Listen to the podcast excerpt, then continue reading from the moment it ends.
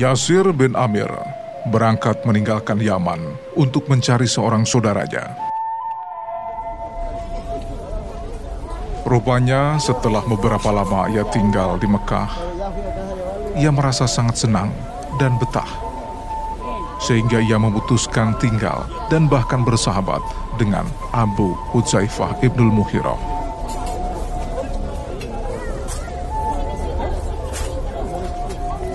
Abu Hudzaifah lalu menikahkan Yasir dengan salah seorang pembantunya bernama Sumayyah binti Hayat. Dari perkawinan itu, mereka dikaruniai seorang putra bernama Amar.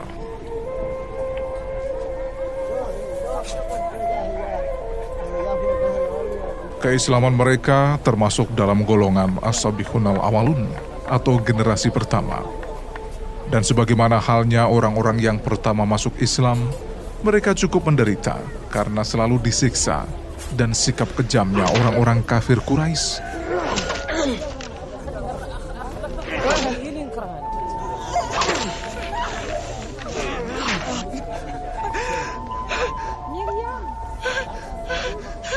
Setiap hari, Yasir, Sumayyah, dan Amar dibawa ke padang pasir Mekah yang panas lalu ditelentangkan badannya di siang hingga sore hari. Tak cukup dengan cara itu, mereka juga mencambuki ketiganya.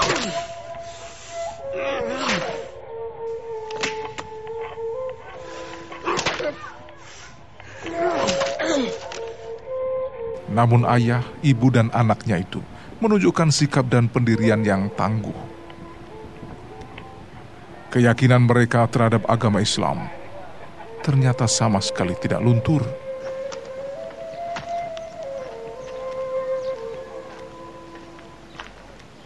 Suatu hari ketika Rasulullah Shallallahu Alaihi Wasallam mengunjungi keluarga itu, Amr bin Yasir berkata, Wahai Rasulullah, siksa yang kami terima rasanya sudah sangat berlebihan.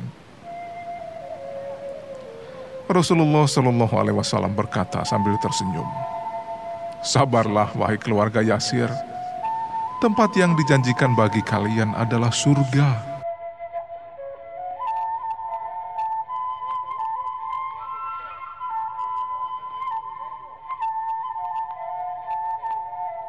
Semua siksaan yang dilakukan kaum kafir Quraisy ternyata tidak dapat menekan jiwa keluarga Yasir, meski para penyiksa menghabiskan segala upaya dalam melampiaskan kedoliman dan kekejiannya sejak hukuman bakar dengan besi panas sampai disalib di atas padang pasir yang panas dan ditindih dengan batu, bahkan sampai ditenggelamkan ke dalam air.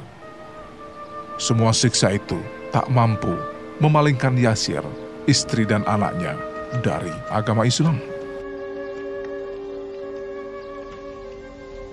Suatu hari ketika ia telah tak sadarkan diri lagi karena siksaan yang demikian berat, Orang-orang yang menyiksanya berkata kepada Amar, Ujalah olehmu Tuhan-Tuhan kami. Amar lalu mengikuti perintah mereka tanpa menyadari apa yang keluar dari bibirnya. Ketika siuman, ia sadar akan apa yang telah diucapkan. Maka terbayang betapa besar kesalahan yang telah dilakukannya. Suatu dosa besar yang tak dapat ditebus dan diampuni.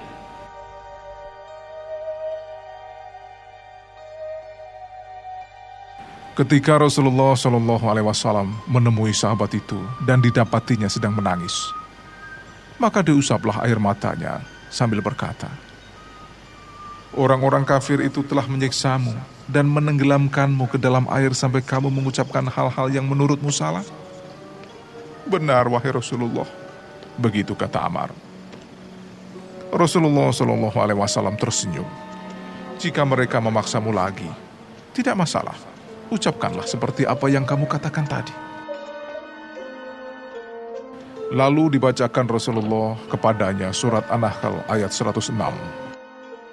Man kafara billahi min ba'di imanihi illa man ukriha wa qalbuhu mutma'innu bil iman walakin شرح بالكفر صدرا فعليهم غضب من الله ولهم عذاب عظيم Barang siapa kafir kepada Allah setelah dia beriman, dia mendapat kemurkaan Allah. Kecuali orang yang dipaksa kafir, padahal hatinya tetap tenang dalam beriman, dia tidak berdosa. Tetapi orang yang melapangkan dadanya untuk kekafiran, maka kemurkaan Allah menimpanya, dan mereka akan mendapat azab yang besar.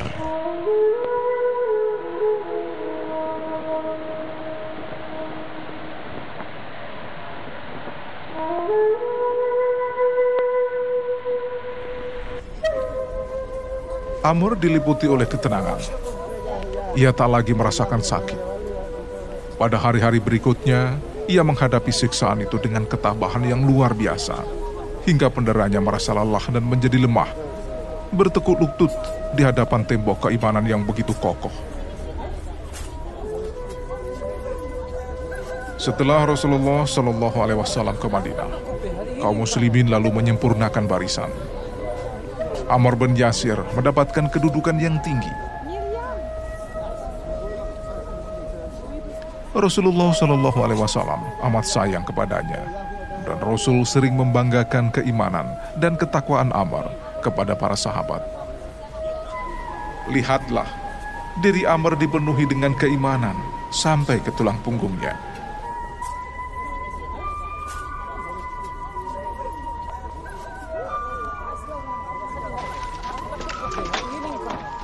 Ketika Rasulullah Shallallahu Alaihi Wasallam dan kaum muslimin membangun masjid di Madinah, Amr bin Yasir ikut mengangkat batu dan melakukan pekerjaan yang sulit. Rasulullah Shallallahu Alaihi Wasallam saat itu juga melakukan hal yang sama. Saat itu Rasul melihat Amr, lalu mendekatinya.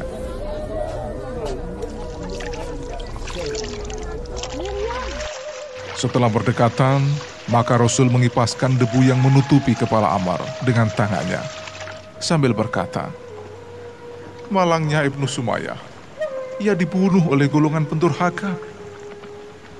Kata-kata itu diulangi lagi oleh Rasulullah Shallallahu Alaihi Wasallam sekali lagi. Kebetulan bertepatan dengan ambruknya dinding di atas tempat Amr bekerja. Hingga sebagian kawannya menyangka ia meninggal dan Rasulullah meratapi kematiannya.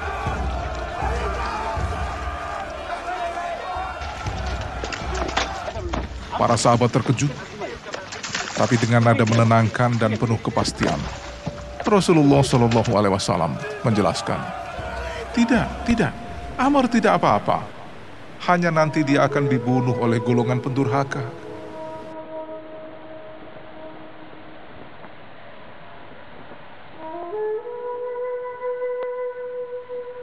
Amr bin Yasir mendengarkan kata-kata Rasulullah itu dan meyakini kebenaran pandangan yang disingkapkan oleh Rasul. Tapi ia tidak merasa gentar, karena sejak menganut Islam, ia telah dicalonkan untuk menghadapi maut dan mati sahid setiap saat. Karena alasan itu pula, Amr bin Yasir selalu terjun bersama Rasulullah SAW dalam setiap perjuangan dan peperangan bersenjata, baik di Perang Badar, Uhud, Hondak dan Tabuk.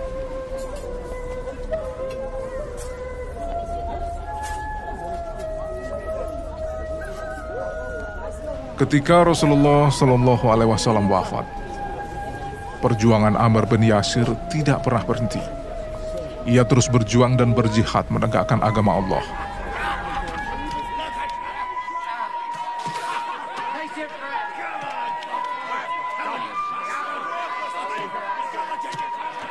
Ketika terjadi pertentangan antara Khalifah Ali bin Abi Thalib dan Muawiyah. Amr berdiri di samping Ali. Katanya, hal itu dilakukan bukan karena fanatik atau berpihak, tapi karena tunduk kepada kebenaran dan teguh memegang janji. Ali bin Abi Thalib adalah khalifah kaum muslimin dan berhak menerima bayat sebagai pemimpin umat. Itu sangat diyakininya.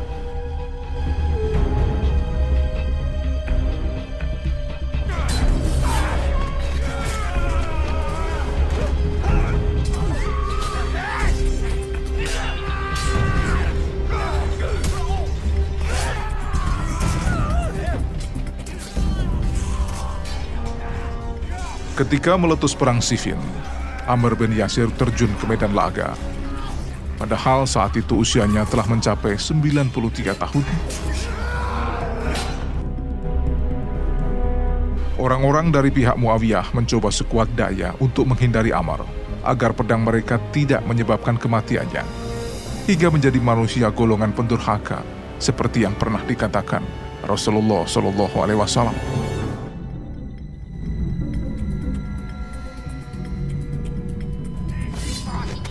Tapi Amir bin Yasir berjuang membela kebenaran dan hanya satu pihak yang dibelanya.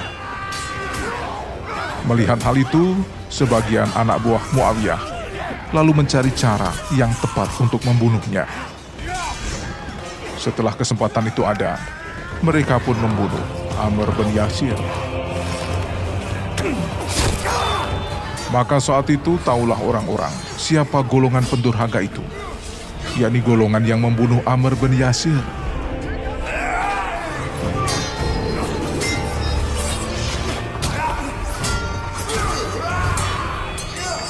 Melihat Amir bin Yasir gugur, Ali bin Abi Thalib maju ke medan tempur, membelah pasukan Muawiyah. Sesaat kemudian, Ali merengkuh jenazah Amr, dipapahnya dan dibawa ke tempat yang aman.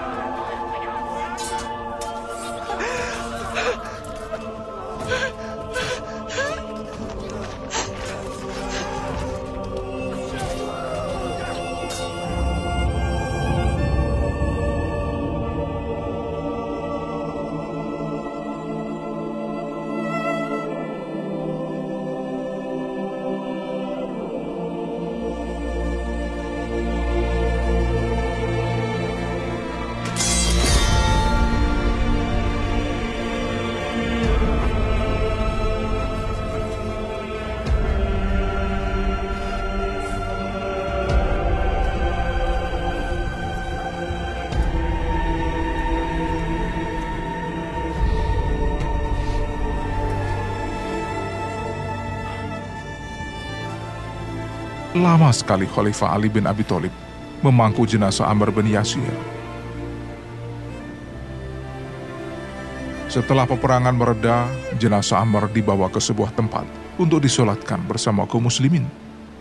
Lalu dimakamkan dengan pakaian yang dikenakan saat berperang.